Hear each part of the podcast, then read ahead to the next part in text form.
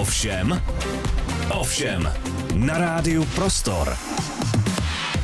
Dobrý den, začíná ovšem s Markétou Rachmanovou dnes na téma, které by zdánlivě mělo zajímat možná pouze ženy, ale co na první pohled může vypadat tak, že se mě netýká, tak třeba i dokáže překvapit. Rakovina děložního čípku je to onemocnění, kterému se významně dá předejít prevencí a očkováním a opravdu se netýká pouze žen. Nikoho lepšího než pana profesora eh, Jiřího Slámu, vedoucího lékaře onkogynekologického oddělení a zástupce přednosti kliniky ginekologie, porodnictví a neonatologie první lékařské fakulty Univerzity Karlovy a Všeobecné fakultní nemocnice v Praze. Jsem si zkrátka pozvat nemohla. Pane profesore, vítejte, dobrý den. Dobrý den. O tom, jak rakovina děložního čípku vzniká, koho vlastně ohrožuje nejvíc a kdy je nejlepší čas myslet na prevenci a co má třeba HPV virus společného s muži, tak o tom všem dnes na Rádiu Prostor. Začínáme. Posloucháte ovšem. Vedoucí lékař onkogynekologie, pan doktor profesor Jiří Sláma je mým dnešním hostem ve studiu. Pane profesore, ta vaše cesta profesní eh, vždycky vedla k onkogynekologii nebo vůbec ke gynekologii jako takové? Eh, primárně vlastně vůbec ne. Já jsem dlouho na medicíně chtěl dělat chirurgii, líbily se mi operační obory, ale nějak v závěru eh, toho studia se mi zalíbilo ta barvitost ginekologie porodnictví a když jsem si kdysi dávno podával přihlášky, kam bych nastoupil, tak eh, mě Litoměřická nemocnice a její gynekologicko-porodnické oddělení natolik oslnili, že jsem zvolil tuhle cestu a dneska musím říct, že nelituju. V čem je ten obor tak barevný, jak říkáte? Oni jsou to vlastně dva obory v jednom. My, my se staráme o těhotné, což je naprosto unikátní. To nikdo v, těhotné, nikdo v medicíně vlastně jinak nedělá. Je to hodně komplexní obor, mm-hmm. samostatné porodnictví. A ginekologie eh, je velmi široká, navíc je zajímavá tím, že to není jenom obor léčebný, ale také významně diagnostický. Eh, trošku fušujeme do řemesla kolegům diagnostikům, radiodiagnostikům, děláme ultrazvuky. Ten obor má mnoho, mnoho zákoutí, dneska se hodně eh, sekvestruje na takové jednotlivé subobory a mezi ně patří třeba i onkogynekologie, které se posledních eh, víc než 20 let věnují. Hmm. Ta onkogynekologie určitě uběhla veliký kus cesty od té doby, co vy jste nastoupil na medicínu a dnes. Určitě ano, je to velmi dynamický obor, prodělává mnoho změn. Já jsem zažil mnoho Eh, posunu dopředu, zejména na úrovni operování se mnoho změnilo v posledních letech a to zpočátku do takového až hyperradikálního operování, kde se dělali obrovské, mm-hmm. gigantické mnohohodinové výkony, až po současnou dobu, kdy se pro mnoho žen v podstatě šije doslova na míru ten příslušný operační zákrok. U mnoha žen ustupujeme z té extenzivní radikality a naopak si velmi Eh, intenzivně vybíráme ty ženy, u kterých provádíme pak dlouhé náročné zákroky. Hmm, hmm. A když se teď konkrétně budeme bavit o rakovině děložního čípku, což je společenské téma, bohužel, co jí vlastně vzniká, co jí vlastně způsobuje, jak to vzniká tohle onemocnění? Pojďte to popsat tak, abychom to popsali, eh, pochopili i my, kteří o tom sice něco můžeme vědět, ale potřebujeme zkrátka to zázemí, to lékařské. No, nemusíme to ani příliš zjednodušovat. O rakovině děložního čípku se dá poměrně jednoduše říci, že se jedná o infekční onemocnění. Mm-hmm. To onemocnění, které je způsobené lidským papilomavirem, eh, dobře známe zkratku HPV, tak se zkracuje lidský papilomavirus. Je to onemocnění, které vlastně vzniká jako sexuálně přenosné onemocnění, protože lidský papilomavirus se přenáší prakticky výhradně při intimních aktivitách. Mm. To znamená, když to úplně zjednoduším, tak eh, rakovina děložního čípku je v podstatě taková specifická viróza?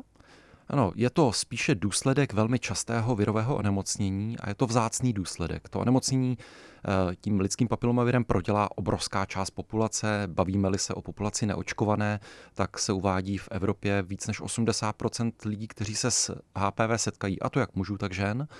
Eh, bavíme-li se ale o vzniku rakoviny děložního čípku, tak je to vlastně až vrchol té pyramidy, kdy mm-hmm. virus dlouhodobě přetrvá v organismu a za určitých podmínek a spolupůsobení dalších faktorů způsobí změny, které vedou nakonec mm. až ke vzniku zhoubného onemocnění. Eh, já jsem slyšela, že je to téměř bezpříznakové onemocnění v počátku. To znamená, že eh, tou prevencí, jinak se na to v podstatě přijít nedá, je to tak? Je to zrádné, přesně tak.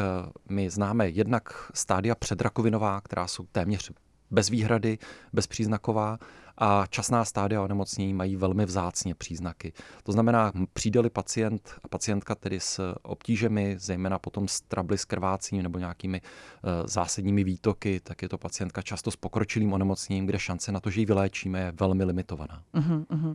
To znamená, že základem všeho u každého onemocnění, u každého orgánu, který máme v těle, je zkrátka ta prevence. Tady se to dá říct víc než uh, zásadně, protože tady ta prevence funguje a oproti naprosto drtivé většině případů ji můžeme udělat aktivně. To znamená, my můžeme aktivně předejít tomu, aby onemocnění rakovinou děložního čípku vůbec vzniklo. Mm-hmm, to znamená, to je to očkování? No, jsou to dvě úrovně. Je to očkování jakožto primární prevence, ta je naprosto unikátní, tu žádný jiný nádor nemá. Mm-hmm. My známe vyvolavatele, jsme schopni očkovat proti vyvolavateli, tedy proti lidskému papilomaviru a tím zabránit celé té kaskádě všech těch dalších jevů a ve finále tedy vzniku rakoviny děložního čípku. A pak je to takzvaná sekundární prevence, to znamená, to už jsou ty takzvané preventivní prohlídky, při kterých aktivně pátráme po předrakovinových změnách. Tam, kde virus začal už působit změny, jsme schopni ještě zastavit tu situaci hmm. na úrovni, kdy ještě nejde o rakovinu. Hmm. Um, asi je mýtus i myslet si to, že pokud budu žít stálý, nikoli promiskuitní sexuální život, tak se mě to netýká. Uh, do značné míry se dá říct, že to je trošku mýtus, protože stačí jeden jediný rizikový partner, který přenese HPV a potom nějaké drobnosti ve vašem organismu, zejména ne třeba úplně dokonale fungující imunitní systém mm-hmm. a stačí jeden jediný intimní kontakt, abyste se nakazila a ve finále mm. potom v budoucnosti měla rakovinu děložního čípku. A jako u ostatních nádorů eh, je tím spouštěčem třeba i ten nezdravý životní styl, stres a tyhle ty věci, které známe právě u těch jiných onkologických onemocnění. My tomu říkáme takzvané kofaktory progrese. Tenhle ten termín je tedy určený pro určité vlivy, které podporují, aby lidský papilomavirus dlouhodobě přetrvával v organismu. Uh-huh. A mezi ně samozřejmě stres patří, ale patří tam také kouření tabáku, patří tam promiskuita, patří tam eh, poruchy imunity, ať už vrozené nebo získané a bohužel různých poruch imunity v současném civilizovaném světě přibývá. Hmm, hmm. Pojďme k tomu očkování. Ehm, víme, že existuje program, který je už plně hrazený eh, z toho veřejného zdravotního pojištění. Jsou tedy očkováni dívky a samozřejmě i chlapci. To samozřejmě zdůrazňuji, protože není to úplně běžné. Pojďte to vysvětlit, proč chlapci a dívky, když se jedná o děložní čípek a ten chlapci samozřejmě nemají. No, ono to má několik rozměrů. Já bych v prvé řadě hrozně rád podotknul, že očkování je k dispozici i z pohledu klinických studií eh, v současnosti už víc než 20 let. To znamená, máme jako velmi dlouhá, velmi robustní a, a velmi příznivá data. Víme, že je velmi bezpečné a víme, že je mimořádně účinné. V těch zemích, kde se s očkováním začalo, což je Skotsko, Irsko a Skandinávie, je dneska zaznamenán u žen, kterým už bude prakticky 40 let. Mm-hmm zaznamenám pokles výskytu rakoviny děložního čípku až o 90%, což hmm. je naprosto fantastické, jenom díky vakcíně. Hmm. Eh, a teď proč tedy chlapce a dívky? Eh, každá země to má nastavené trošku jinak. Ono očkovat chlapce a dívky je poměrně nákladné. A ten důvod, proč očkujeme obě dvě pohlaví, je, že nejsme schopni dosáhnout, bohužel, pro očkovanosti u dívek tak vysoké, aby to mělo populační význam.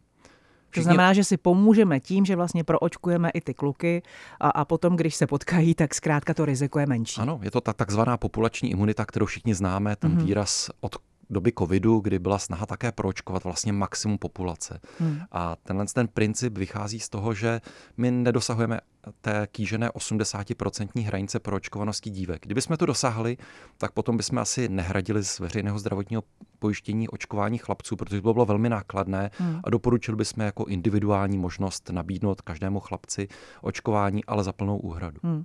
Co se stalo v té Skandinávii tak skvělého, že tam zkrátka tomu očkování šli tak moc naproti? No, ono to není jenom Skandinávie, těch zemí, které jde očkování naproti, z těch zemí je, je celá řada. Je to Holandsko, skvělá je Austrálie. Já myslím, že to je trošku nastavením eh, systému, je to důvěru v ten systém, mm-hmm. je to takové to nerozporování, jestliže ten zdravotní systém nabídne něco a, a dá jasné argumenty, že to je bezpečné a zdraví prospěšné, tak to nikdo nerozporuje.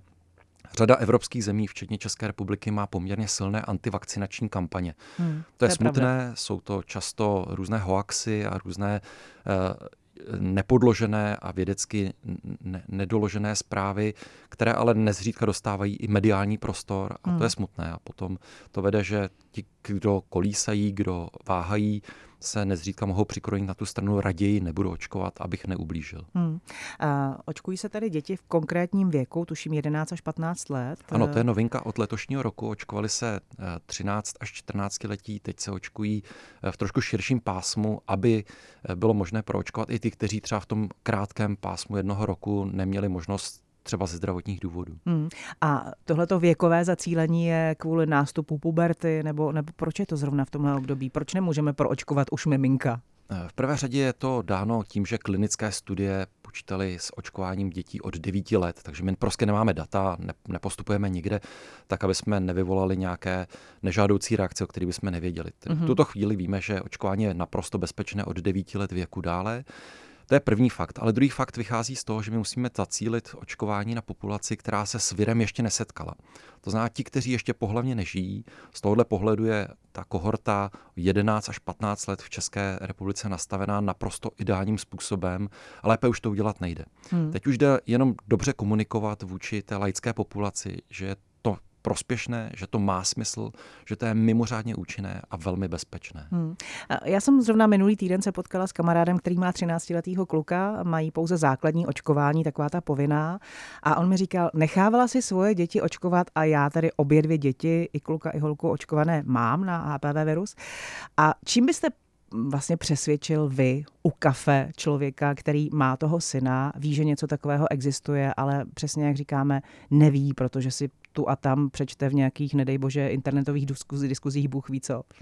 No, v prvé řadě bych jasně argumentoval tím, že dneska už bylo vyučkováno několik stovek milionů dávek a nemáme zaznamenané žádné eh, závažné nežádoucí účinky. Ty jsou v Evropě velmi přísně hlášené a to, co se bohužel občas dočte na, eh, člověk na různých internetových fórech, jsou eh, informace, které nikdo neoponuje. To znamená, hmm. já bych tady apeloval na to, že jsou jasná vědecká data, že ta současná medicína hodně věcí velmi přísně hlídá. To je první fakt. Druhý fakt je, že se jedná o vakcíny, které máme k dispozici už dvě desetiletí a máme o nich spoustu informací. Třetí fakt je, že ten chlapec z eh, vakcinace může samozřejmě profitovat i sám za sebe. Nikdo nevíme, jakou bude mít sexuální orientaci v gay populaci. Hmm. Je významně vysoké riziko vzniku rakoviny řítního svěrače a ten je způsobený HPV virem, to znamená, že ta protekce vakcinací zde může také zafungovat. A bohužel v populaci přibývá, a to jak v populaci eh, chlapců, tak dívek, no, mužů a žen, rakovina v oblasti hlavy a krku. Mm-hmm. A tam také se významnou měrou podílí právě na vzniku těchto nádorů lidský papilomavirus. To znamená, i ten chlapec má určitou míru individuální ochrany. A nemluvím o tom, že ten chlapec se může seznámit s dívkou, jejíž rodiče ji nenechali očkovat. Ano. A potom on bude tím nositelem mm-hmm. vakcinace a protekce a ta dívka třeba bude jeho budoucí žena a budoucí matka dětí a, a, a, a mít vnoučat a já chci hmm. mít svoji snachu zdravou a, a, a svoje vnoučata, aby měli maminku. Hmm. Tohle je ta laická veřejnost a pak je tu ta odborná. Setkáváte se s tím, že i ta odborná veřejnost pochybuje v případě třeba pediatrů? Eh, myslím, že se s tím setkáváme méně a méně. Musím říct, Naštěstí. že naši kolegové jsou, jsou vzdělaní a troufnu si říct, že, že mnoho našich kolegů jde aktivně po těch kvalitních informacích. A kvalitní informace jsou dneska dobře dostupné. To v mhm. tomhle nám internet udělal obrovskou službu. Není problém podívat se na medicínské databáze, podívat se do systematických metaanalýz, to znamená analýz mnoha studií a ta data jsou velmi dobře dostupná. Čili kdo chce, tak si kvalitní data najde a zjistí, že ta data jsou jednoznačně ve prospěch vakcinace. Hmm. Asi je nutné podotknout, že vakcinaci provádí pediatr, nikoli ginekolog. Přesně tak. Takže pokud by někdo um, se o tom měl zajímat, byť by měl to automaticky dostat jako nabídku od pediatra při těch běžných uh, prohlídkách, tak zkrátka pediatr je ten, na koho se obrátit. No a co ti starší? Co třeba dívka, žena 20+. Plus? Tam je to jak? Tam je to mnohem individuálnější. Jestliže v tom věku do 15 let je to hodně černobílé a já jsem jednoznačný zastánce vakcinace v tomhle nízkém věku, tam v zásadě až na velmi nemocné děti bych v zásadě doporučoval očkovat úplně každého jedince, tak v tom sexuálně aktivním věku, a to je úplně jedno, jestli se jedná o 18-letou dívku nebo 50-letou mm-hmm. dámu, eh, je potřeba vždycky postupovat individuálně a nelze hovořit tím černobílým pravidlem, že je to vždycky prospěšné, je potřeba s tou ženou rozebrat její soukromý život, trošku se podívat na to, zdali je vystavená riziku vzniku rakoviny děložního čípku. To, co se ukazuje, že se zdá, že u určité populace, například žen po ošetření děložního čípku, může být vakcinace prospěšná. Jistě je prospěšná zejména v mladším věku. Žena, které bude 22 let, bude jistě ve větším riziku toho, že bude mít v hmm. budoucnosti partnera nebo partnery a že se může nakazit než žena třeba 50 letá. Ale také to nemusí být úplně černobílé. Hmm. Pan profesor Jiří Sláma je mým dnešním hostem tady ve studiu Rádia Prostor. Pokračujeme. Posloucháte ovšem. Pan profesor onkogynekolog Jiří Sláma je mým dnešním hostem ve studiu Rádia Prostor. Povídáme si o rakovině děložního čípku, o tom, jak tomuto onemocnění předcházet. Už jsme si řekli, že samozřejmě nezbytná je prevence a to, jak pravidelné prohlídky u ginekologa, který pochopitelně provádí ty cytologické stěry, což je asi součást toho celého. A pak je tu ta vakcinace. Um, přece jenom, když už se to tak jako úplně nepovede a to onemocnění propukne, um, asi záleží opět na individuálním typu. Uh, nicméně, jak moc je to agresivní onemocnění? Dá se to takhle jako kvantifikovat? Já myslím, že pro tu laickou populaci je třeba ještě rozlišit, zda se bavíme o přednádorovém stavu mm-hmm. nebo o vlastní rakovině. Eh, cílem aktivního vyhledávání v rámci gynekologických preventivních kontrol je totiž objevit předrakovinový stav. A je to paradox, já obvykle pacientkám říkám, mějme z toho radost. To je vlastně šťastná událost. My jsme zjistili něco, co umíme dobře léčit a co vyléčíme drobným jednoduchým zákrokem. Takže přednádorová, přednádorová hmm. situace je přesně tak. Nález, který je zjištěný za 10 minut 12, máme čas vyřešit ho hmm. a naprosto drtivou většinu pacientek dobře a jednoduše uzdravíme malým ošetřením, takzvanou konizací děložního čípku. Vznikne rakovina, tak už potom hodně závisí od stádia. My u rakovinového nálezu vždycky provádíme takový soubor vyšetření, které nám mají poskytnout informaci o rozsahu toho onemocnění a podle rozsahu pak pacientku léčíme. Ta aktuální snaha je nekombinovat pokud možno dneska moc léčebných metod, ale najít takovou, která bude co nejefektivnější.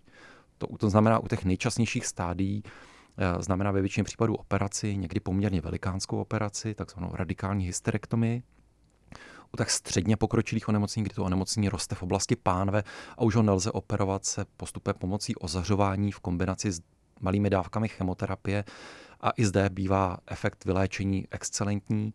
A jenom u těch pacientek, které mají vzdálená ložiska, takzvané metastázy, je potřeba použít chemoterapii, dneska doplněnou o cílenou biologickou léčbu, o velmi nákladnou léčbu, kde ta šance na to, že pacientku uzdravíme, je samozřejmě limitovaná, ale zlepšuje se. Hmm. Od toho počátečního sdělení té diagnózy až třeba k tomu úplnému vyléčení, jak eh, uplyne dlouhý čas? Hodně zase opět závisí od toho, o jaké stádium onemocnění se jedná. Vezmu-li řekněme, praxi naší kliniky, tak pacientka může mít diagnostikovanou rakovinu děložního čípku od odběru vzorku, trvá většinou do týdne, než je ten vzorek vyhodnocený. Pacientka je skonzultována, během jednoho dne jsou provedena všechna potřebná vyšetření a další týden je otoperována, takže teoreticky mm-hmm. ta pacientka do 14 dnů může být uzdravena. Samozřejmě nepočítáme to období rekonvalescence, mm-hmm. které potom mm-hmm. následuje. Mm-hmm. A souvisí to třeba i s hormonálními změnami v tom těle? Ta léčba je i částečně hormonální? Vůbec ne. Tohle je onemocnění, které s hormony nemá absolutně mm-hmm. žádnou souvislost, mm-hmm. takže i podle věku my například vaječníky, jakožto produktory hormonů u pacientek ponecháváme. Mm. Jakou roli v tom hraje genetika? Eh, prakticky žádnou. Eh, jak už jsem říkal na začátku, je to virem podmíněné onemocnění. Genetika může sehrát roli v, na úrovni toho imunitního systému. Vy můžete mít vrozený defekt imunitního systému, třeba velmi drobný defekt, který nespůsobuje nic zásadního, kromě toho, že se váš organismus nedokáže dobře vyrovnat s virovou infekcí papilomavirem a ten v těle dlouhodobě přetrvává. Mm-hmm. A právě to dlouhodobé přetrvávání v těle je rizikem pro to, že se začnou tvořit přednádorové změny, které se musí odhalit v rámci gynekologické prevence. A když se neodhalí, nebo žena na prevenci nechodí, což je velký problém, tak vznikne rakovina děložního hmm. čípku. U toho se zastavím, protože Vím i ze svého okolí spoustu žen, který je třeba 50 plus, vědí, že už nebudou mít samozřejmě děti, nechtějí už děti a v tomto věku už je to samozřejmě i logické a nabízí se to, tak mají pocit, že vlastně v tu chvíli pro ně ginekologie už je nezajímavý lékař, ginekolog a odmítnou už chodit na prevence a pak se může vlastně něco stát a pokazit. Máte bohužel smutnou pravdu, protože tahle realita v České republice je stále přítomná. Eh, ženy 50 plus jsou populací, která na gynekologické prevence přestává chodit. A přitom je to paradox, protože bohužel v tom věku 50 plus eh, všechny ty gynekologické závažné choroby teprve přicházejí. Hmm. A ten vrchol těch nejzávažnějších diagnóz je právě kolem 60. Takže my apelujeme na všechny ženy, aby na gynekologické prevence chodili, protože jsou za prvé zadarmo. Za druhé se nejedná o příliš nepříjemné vyšetření a, a když, tak je to vyšetření relativně krátké. A navíc dneska disponujeme velmi citlivými testy a zejména na úrovni detekce přednádorových změn na děložním čípku testy, které mají velmi významnou předpovědní hodnotu. Takzvaný HPV DNA test, mm-hmm. který vlastně detekuje přítomnost uh, viru v děložním čípku, je dneska zakomponován do systému těch gynekologických preventivních kontrol a je součástí té rutinní praxe v určitých věkových kategoriích. Zatímco cytologické stěry, které mají určité limity, se dělají pravidelně každý rok od té doby, kdy žena začne na gynekologické prevence chodit, tak tyhle moderní nákladné testy, které mají předpovědní hodnotu na několik let, se dělají v 35, v 45 a teď nově také v 55 letech. To je ten program Astra, o kterém se mluví? Nikoli, to tohle to vyšlo z programu Libuše. Mm-hmm. Libuše byla studie, kterou jsme dělali s našimi kolegy v rámci celé České republiky, kdy jsme právě mapovali to, jak to je u žen, které na gynekologické prevence pravidelně chodí, mm-hmm. v jakém jsou oni v riziku. Ten projekt skončil v roce 2022, ale už v průběhu toho projektu se ukázalo, že i ženy, které chodily na prevence a podstupovaly pouze cytologické stěry, byly ženy, u kterých občas se stalo, že prostě ten stěr neza, ne, nezafungoval a nedetekoval změny. Mm-hmm. A proto se podařilo eh, poměrně rychle zakomponovat eh, díky datům, které jsme získali v rámci té studie, eh, také ty moderní testy, které významným způsobem zpřesnily tu detekční schopnost. Čili ty ženy, které jsou v 35 a v 45 a teď nově v 55 mají test, který jim řekne, zdali mají virus, který by mohl způsobit rakovinu. Výhoda toho testu je, že je-li žena detekována jako negativní, tak její minimálně pětileté riziko, že bude mít přednádorový stav vysokého stupně nebo rakovinu děložního čípku, je prakticky nula. Mm-hmm. Čili ten test má obrovskou předpovědní mm. hodnotu, v tom je jeho největší síla. Mm. Projekt Astra, který jste zmínila, ano. je něco, co teprve teď začne. Začne od března. Je to projekt, který se rozeběhne u vybraných praktických lékařů nejprve v Praze, středočeském kraji, ale v průběhu roku by se měl rozběhnout u řady praktických lékařů v celé České republice a je určený pro ženy, které naopak na gynekologické prevence nechodí. To znamená ty ženy, které z nějakého důvodu ginekologa ignorují. Bojí se ho, myslí si, že ginekolog je něco, co už nepotřebují, mají nějaké předsudky, těch důvodů může být celá řada. Ten projekt Astra je zkrátka ambulantní stěr proti rakovině mm-hmm. a mhm. má nabídnout cestou praktického lékaře možnost udělat si právě ten moderní test na HPV.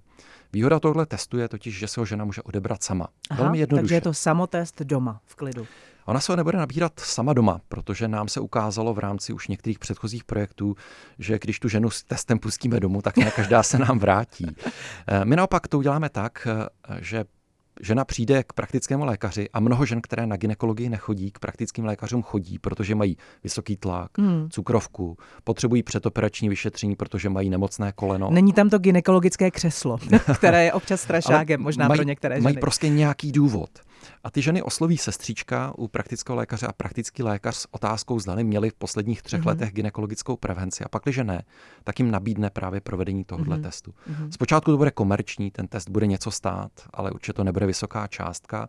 Do budoucna doufáme, že se toho chopí zdravotní pojišťovna a ten test bude nabízen eh, nejenom u praktických lékařů, ale třeba i u zubařů, u stomatologů mm-hmm. zdarma. A ta žena si ještě ten den na toaletě nebo za nějakou zástěnou odebere ten test. Ten mm-hmm. test bude odebrán během dvou minut. To je velmi jednoduchý stěr, který si ta žena sama udělá a ještě ten den bude odeslán do laboratoře. Mm-hmm. A co se děje pak tedy? Je to v laboratoři a pak dostane zprávu gynekolog za dva týdny, nebo praktik? Nebo za dva týdny eh, dostane zprávu praktik. My v tomhle považujeme za výhodnější, aby ta žena byla tam, kam přišla, eh, k tomu lékaři, ke kterému má důvěru, kam chodí mm-hmm. a praktický lékař bude ženu informovat o tom, je negativní, v tom případě její riziko je nízké, ale samozřejmě druhým dechem dodá, na prevence by se mělo chodit, protože to není jenom o prevenci rakoviny děložního hmm. čípku, ale taky prevenci řady dalších onemocnění, včetně nádorových. A nebo je pozitivní a tam bude velký apel. Zastavte se buď za, svým, za svým praktickým gynekologem, gynekologem, kterého jste dlouhodobě nenavštěvovala, nebo tady máte seznam kolegů, eh, gynekologů, případně specializovaných center, která vyšetřují nálezy na děložním čípku. Jste ve vysokém riziku, že už teď můžete mít nález, anebo v budoucnosti nález bude, hmm. bude mo- moci vzniknout. Takže těch preventivních programů je velká spousta, jenom se jich nebát a najít si k ním cestu. Eh, já myslím, že přesně tak, neodmítat je. Eh, naprosto drtivá většina preventivních programů v České republice je zdarma, což hmm. je unikátní. A oproti rozvinuté západní Evropě je to taková nabídnutá ruka. Skutečně stačí jenom jít trošku naproti. Hmm. Jak se ještě, pane profesore, díváte na názory eh, těch postarších žen, které si řeknou, tak já už nebudu mít děti, já už nepotřebuji chodit na ginekologii, já už si preventivně raději možná nechám všechny ty ženské orgány odebrat, abych nic nechytla. I to jsou takové ty laické občas uh, názory, které jsou šílené, ale přesto to tak jako v té společnosti bublá. Uh, já jsem zastánce toho, ať jsem jako dominantně eh, gynekologický chirurg a rád operu, tak jsem zastánce toho, že každá operace má mít jasnou indikaci, jasný důvod. Není operace bez rizika komplikací a dělat operaci jenom pro obavu je ne vždycky zcela logické. Na druhou stranu my děláme dneska čím dál tím více takzvaných profilaktických preventivních operací, protože čím dál tím více jsme schopni detekovat některé dědičné dispozice. Hmm. A jsme schopni lépe se podívat do populace na ty ženy, které mohou právě z toho eh, preventivního operačního výkonu profitovat. Hmm. Čím si vlastně vysvětlujete to, že ta žena zkrátka v roce 2024 odmítá jít ke ginekologovi. Je to opravdu ten strach? Je to strach z té informace třeba, která by nebyla úplně příznivá, z toho, že je tam nějaká obava z budoucnosti? Eh, on je to celý seznam. Eh, tomuhle tématu se věnuje mnoho, mnoho prací i v České republice, kolegů, psychologů, lékařů napříč Evropou. Tohle není problém, se kterým jsme se potýkali jenom v České republice, hmm. že, že pacienti nenavštěvují preventivní programy, a tady se nebavíme jenom o ginekolozích, ale i o celé řady dalších programů. Je to také trošku tím, že nám chybí jakýsi eh, apel, eh, který by více citelně zasáhl tu populaci. Jsou zajímavá data z Velké Británie, kde eh, v 80. letech chtěli navýšit účast žen na gynekologických preventivních kontrolách a tak prostě řekli, že ty ženy, které nepřijdou, si tu gynekologickou kontrolu příště budou muset budou hradit. Platit. Hmm a to navýšení během dvou let bylo prakticky ke 100%. Mm-hmm. Vím, že i podobné situace se udály u kolegů na Slovensku, kde podobným způsobem byla byla zavedena placená péče u stomatologů. Kdo nešel jednou za rok ke stomatologovi, tak si další rok platil. Tenhle ten bolus a malus, jakýsi negativa hmm. a, a, a penalizace eh, hrajou roli, ale to je politické rozhodnutí a v současné politické situaci neustálých voleb mám obavu, že žádný politik ne, neřekne eh, veřejnosti tak a vy, kteří jste nezodpovědní a nechodíte na prevence, které jsou pro vás zadarmo, a, a potom přicházíte s pokročilými onemocněními, které se léčí velmi nákladně a, a vedou ve společnosti eh, k výrazným, k výrazným negativním ekonomickým dopadům, vy si je budete hradit. To asi nikdo neudělá. Hmm. Bohužel je to u nás tak trošku až na posledním místě za tím vším ostatním. To je bohužel pravda. Um, Pojďte mi říct, pane profesore, jaká v tom všem je role muže. Pokud ta žena onemocní, pokud prochází tou léčbou, tak co se očekává od toho partnera? A jak vlastně vy komunikujete s muži na klinice? No, já bych možná to slovo muž přeměnil na, na rodinu, protože to hmm. nemusí být vždycky muž, to může být partner, partnerka, může to být široká rodina. My jsme moc rádi, když eh, s tím onkologickým pacientem vždycky pracuje rodina, ale rodinné zázemí hraje naprosto klíčovou roli v tom, aby ten pacient se s onemocněním vypořádal. To neznamená, že ta rodina musí být v ten moment najednou extrémně pečující a že se musí v rodině, která má onkologického pacienta, něco rázně změnit ale ta rodina se musí semknout a, a být připravená tomu pacientovi pomoct, protože on si prochází určitými fázemi eh, vstřebávání té informace a ta informace může být optimistická, může dopadnout dobře a taky dobře nemusí dopadnout. Hmm. Je součástí psychologická pomoc, předpokládám, kterou nabízíte? U nás je to naprosto rutinní součástí, dokonce je to rutinní součást už při tom prvním stupním pohovoru. Když nám přichází pacientka s nově diagnostikovaným onemocněním, tak v rámci toho pohovoru neděláme jenom lékařská vyšetření, ale ta pacientka projde diskuzí s klinickou psycholožkou a to většinou krátký seznamovací pohovor a potom hmm. si s paní doktorkou eh, dají kontakty a často přicházejí na kliniku i jiné dny, ale také třeba s nutricionistou, protože i výživa je věc, která je opomíjená a v, u onkologických pacientů tvoří také velmi důležitou součást hmm. léčby. Já mám pořád trošku bohužel pocit, že ve společnosti je eh, to, co se týká ženského těla gynekologie malinko tabu, že když už, eh, nedej bože, někdo přijde s tím, že jeho diagnóza je uh, rakovina slinivky, plic, kostí, tak je to při tom všem ošklivém snáze komunikovatelné, než když žena má přiznat, mám rakovinu děložního čípku, vaječníků, to, co je zkrátka uvnitř a to, co je takové to tabu, o čem se nemluví. Já si pamatuju v těch 80. letech, když jsem byla malá, tak sousedka měla nějaký takový problém a v podstatě se o tom mluvilo, má něco ženského. A mám pocit, že do dneška to trošku přetrvává v té společnosti. S tím trochu souhlasím, ale řekl bych, že se to významným způsobem mění. Nastupující generace, řekněme dneska čtyřicátníků, eh, je generace, která už nemá tolik osty hovořit o těch intimních problémech a o takhle závažném onemocnění už vůbec ne. Eh, taky jsem moc rád, že v rámci té mediální komunikace jsou osobnosti, které o tom, uh-huh. že mhm. prodělali takovéhle onemocnění, hovoří. A protože o tom hovoří veřejně, tak si myslím, že je možné zmínit paní Marie Redková, nebo paní Radka Fischerová jsou určitě takové dvě velké osoby, které já teď jsem si rychle vybavil a hovoří o tom. Dokonce vím, že eh, eh, paní Radkou Fischerovou se teď točil pořad 13. komnata, mm-hmm. který vysílá veřejnoprávní televize a bude věnovaný tomuhle tématu a ona je velká propagátorka toho, aby fungovaly gynekologické prevence a spolupracuje s naší klinikou, za což jsem moc rád. Hmm. A když propukne v rodině mm, to onemocnění rakovina děložního čípku, dá se pak třeba předpokládat, že je tam nějaké větší riziko u, dejme tomu, dcery, uh, rakovina prsu? Má to nějakou spojitost? Ne, ne, rakovina prsu. Je to zase úplně něco je, jiného. Je jiné onemocnění. Ta dědičná dispozice je tady poměrně vysoká, ale je tam spojitost s rakovinou vaječníku a vejcovodu. Uh-huh. Tam je ta dědičná spojitost významná a pakliže v populaci, v té rodině se vyskytuje vysoký výskyt nádorů prsu a rakoviny vaječníku a, a vejcovodu, tak to často znamená, že tam může být dědičná dispozice, kterou, která vyžaduje nějaké další konzultace a případně léčbu. Hmm. Když se žena, dívka úspěšně vyléčí, může mít potom děti? V případě rakoviny děložního čípku jsou stádia, zejména ta velmi časná a samozřejmě potom všechna předrakovinová, která nám umožní, aby ty ženy měly zachovanou plodnost. V České republice se hodně holedbáme tím, že máme velmi dobře fungující systém a také mnoho z těch informací z České republiky vyšlo o tom, jak léčíme dokonce i nádorová onemocnění se možností zachovat plodnost, dokonce největší publikace věnované právě téhle problematice byly publikovány českými autory. Hmm, hmm. Přesto všechno, v čem je onkogynekologie pozitivní obor? Eh, je pozitivní v tom, že mnoha, žen, mnoha ženám pomůžeme. My, mnoho žen dneska jsme schopni dobře léčit, vyléčit, řadu závažných onemocnění dneska jsme schopni posunout do takové fáze, že se z nich stávají chronická onemocnění, která sice nejsme schopni dokonale vyléčit, ale těm, že nám velmi významným způsobem prodlužujeme život a život, který je aktivní, funkční a produktivní. Hmm, hmm. A vy si občas odskočíte na ten porodní sál, nebo to už jste úplně opustil? Tak jednak musím, protože jsem stále zaměstnanec kliniky a, a sloužím, tak Včera jsem třeba sloužil a na porodním sále jsem také byl. Eh, není to tak, že bych tam byl pravidelně, na ten porodní sál se dostávám spíš v situaci komplikací, protože výhoda onkogynekologa je, že dělá na klinice ty nejsložitější operace, mm-hmm. to znamená, jsou-li velmi složité porodnické případy, vrostlá placenta a podobně, tak to řešíme s kolegy porodníky v jednom týmu.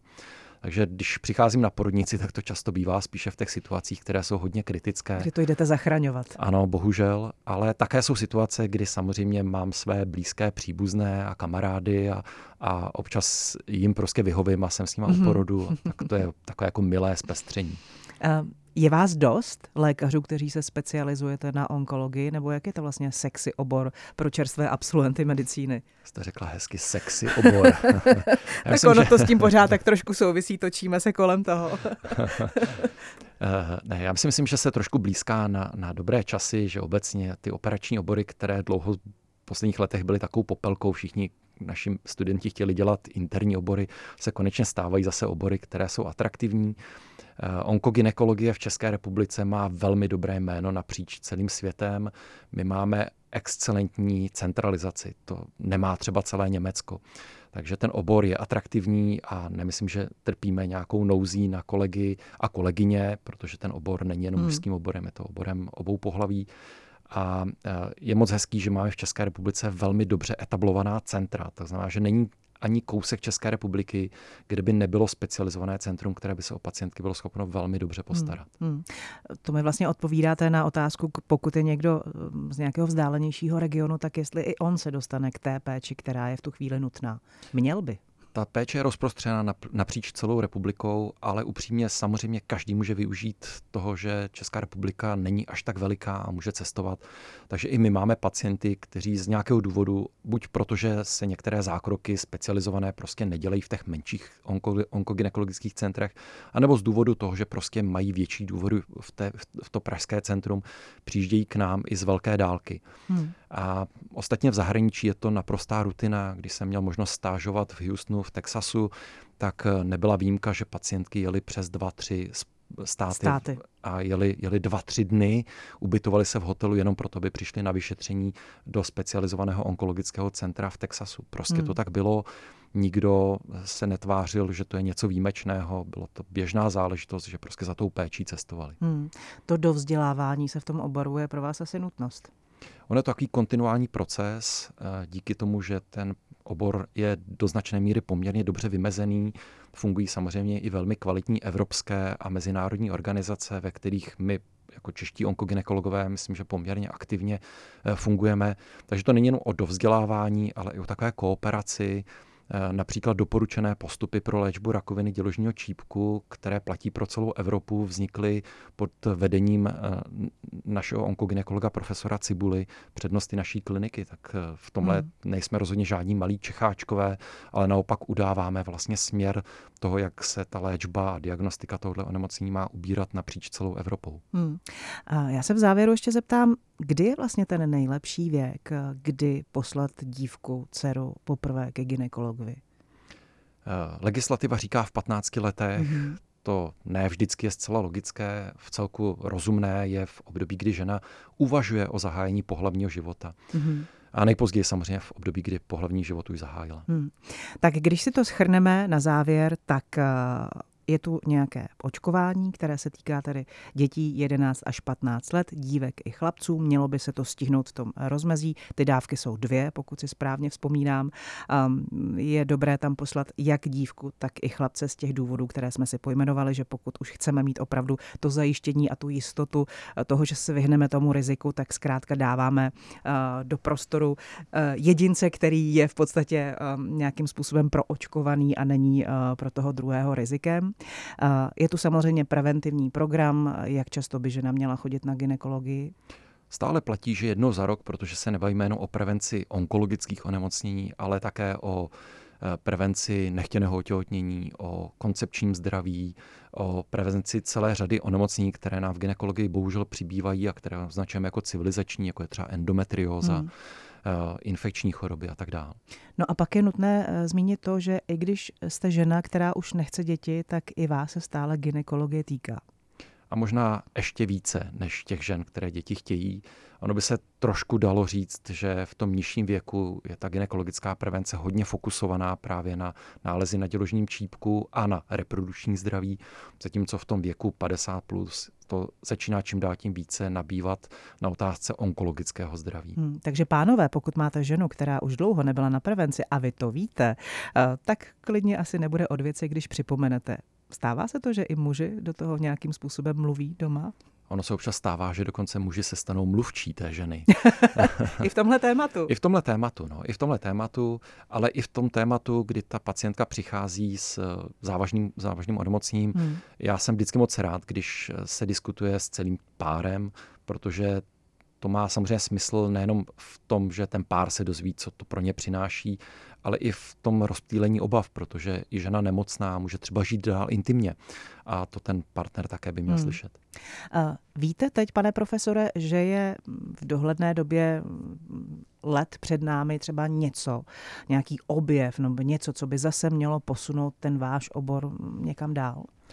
Asi takhle zásadní objev nás nečeká. Velmi intenzivně se stále pracuje na léčebných vakcínách, protože máme vakcíny preventivní, mm-hmm. ale je snaha vyvinout léčebné vakcíny. To znamená, žena, která už je nakažená, nebo dokonce má, má zhoubný nádor, nebo přednádorovou změnu, by mohla dostat teoreticky vakcínu, která je vyléčí. Na tom se pracuje intenzivně a já jsem optimista. Jsem přesvědčený, že takové vakcíny eh, budou v následujících, řekněme, třeba deseti letech.